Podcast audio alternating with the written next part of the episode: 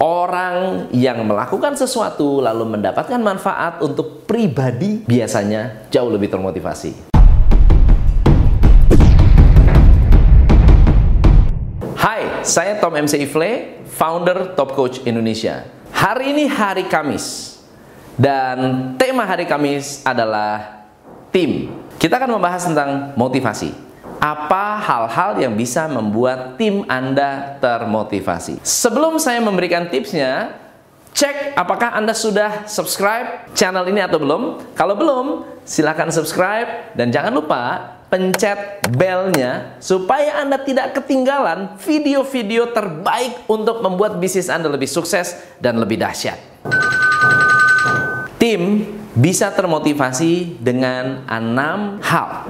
Yang pertama, adalah positivity. Segala sesuatu yang positif akan membuat orang termotivasi.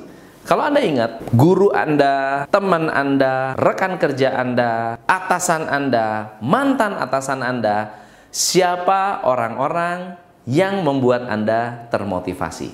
Umumnya, mereka-mereka yang bisa membangun perasaan positif. Kenapa, Ren? Pusing, Cah. Kalau aku udah banyak, tahu sendiri targetkan tapi masih di reject ada aja nge-reject semuanya hampir semua reject. Ya cancel berbagai macam alasan lah. Apa gue yang marketnya emang salah atau gimana jadi stres gitu. Dulu gue juga pernah Ren ngalamin kayak lo begini. Nah sekarang minimal dalam sehari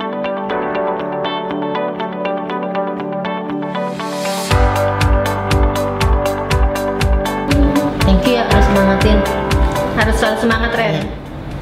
Yang kedua adalah merasa enjoy dalam melakukan aktivitas. Enjoyment adalah aktivitas yang anda nikmati. Aktivitas yang membuat anda senang. Aktivitas yang membuat anda happy. Kadang-kadang melakukan segala sesuatu hanya karena terpaksa akan membuat aktivitas tersebut menjadi alat mendemotivasi. Sebaliknya, hal-hal yang Anda suka, aktivitas yang membuat Anda bergairah, itu akan menjadi alat motivasi. So, enjoyment adalah hal yang penting untuk membangun motivasi. Yang ketiga dalam membangun motivasi adalah setiap orang akan suka kalau merasa dirinya penting. Feeling important bisa dilakukan untuk Anda ketika membutuhkan ide, mintalah pandangan pendapat dari tim Anda. Jadi Top Coach Indonesia akan buka satu restoran yang memang nggak ada kaitan dengan bisnis kita. Gimana pendapat kalian? Ketika tim Anda memberi masukan, lalu Anda mendengarkan masukan mereka, tim Anda akan merasa penting. Yang keempat, ternyata sukses membuat orang termotivasi.